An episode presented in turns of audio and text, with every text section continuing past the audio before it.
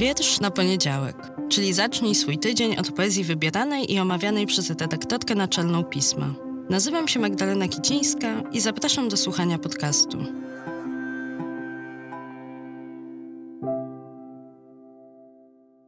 Cześć, dzień dobry, dobry wieczór. Jak się macie w tym przedświąteczno-świątecznym w zasadzie tygodniu? Czy to dla Was jest czas, żeby trochę zwolnić, czy wręcz przeciwnie, jeszcze się gdzieś spieszycie, żeby wszystko zamknąć przed świętami, czyli tak naprawdę przed końcem roku, a jeszcze gdzieś pomiędzy tymi obowiązkami zadbać o prezenty, choinkę i te wszystkie świąteczne sprawy? Jeśli tak, a na święta czekacie z utęsknieniem, to zapraszam Was bardzo do odsłuchania odcinka, który nagrałam w zeszłym roku. Nosi tytuł Wietrze pod choinkę. Możecie go bez problemu pod tym tytułem właśnie znaleźć. Ale może nie lubicie tego czasu. Może kojarzy wam się z wierszem Marcina Orlińskiego, poety i redaktora wierszówki w przekroju, czyli poniekąd mojego drogiego brata, drucha, którym po sąsiedzku w innym piśmie drukowanym wybiera do druku wiersze. Wiersza pod tytułem Święta. I jeszcze ten chaos związane z pakowaniem prezentów, kombinowanie, która torebka będzie pasowała do książki, a która do płyty, szacowanie czy opakowania, w których dostało się prezenty w zeszłym roku, nadają się do ponownego wykorzystania. Jeszcze ta cała niezawisłość rzeczy, włosy przylepiające się do taśmy klejącej, nożyczki, które niespodziewanie wybierają inną drogę niż wzrok, długopisy, które gubią się pośród skrawków i wstążeczek, wstążeczki, oczywiście zawsze w nieodpowiednim kolorze, a jeśli wstążeczki, to również zagięcia, pierdolone zagięcia na wstążeczkach. Tak, to wszystko, narastająca bezsilność i rozpacz.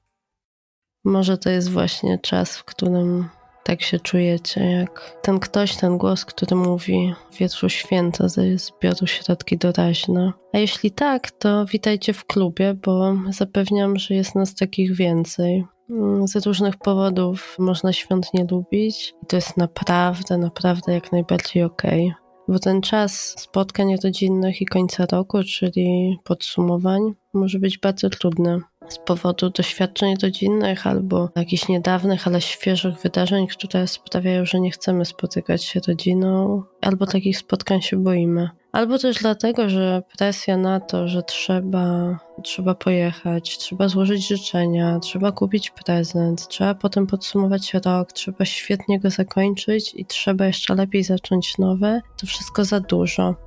Zwłaszcza po tym roku, który miał być łatwiejszy niż ZOZO, czyli poprzedni, 2020, a może wcale niekoniecznie był. Wielu z Was, ja też, w tym roku kogoś straciło. Wielu straciło też życie na polsko-białoruskiej granicy, więc dużo mamy powodów do smutku i do braku sił na święta. Więc jeśli jesteście w tej grupie, to mam dla Was wietrz, który mam nadzieję doda Wam otuchy.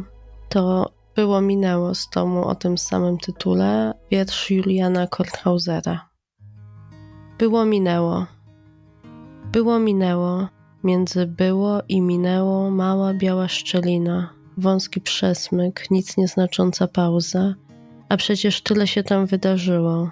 Wzloty i upadki uczuć, przewidywania tańczące w snach, spotkania na wzgórzu i na skraju lasu – było to, co gorące, wiotkie w nagłym olśnieniu, było niemądre, zdradliwe, ale wypełnione nieznaną treścią. Minęło, bo nie zadrżało w posadach. Małe było, małe minęło.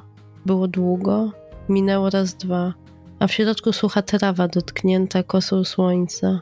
Klasztor nad rzeką, niepokojące dudnienie pociągu, drobny żwir na drodze do doliny.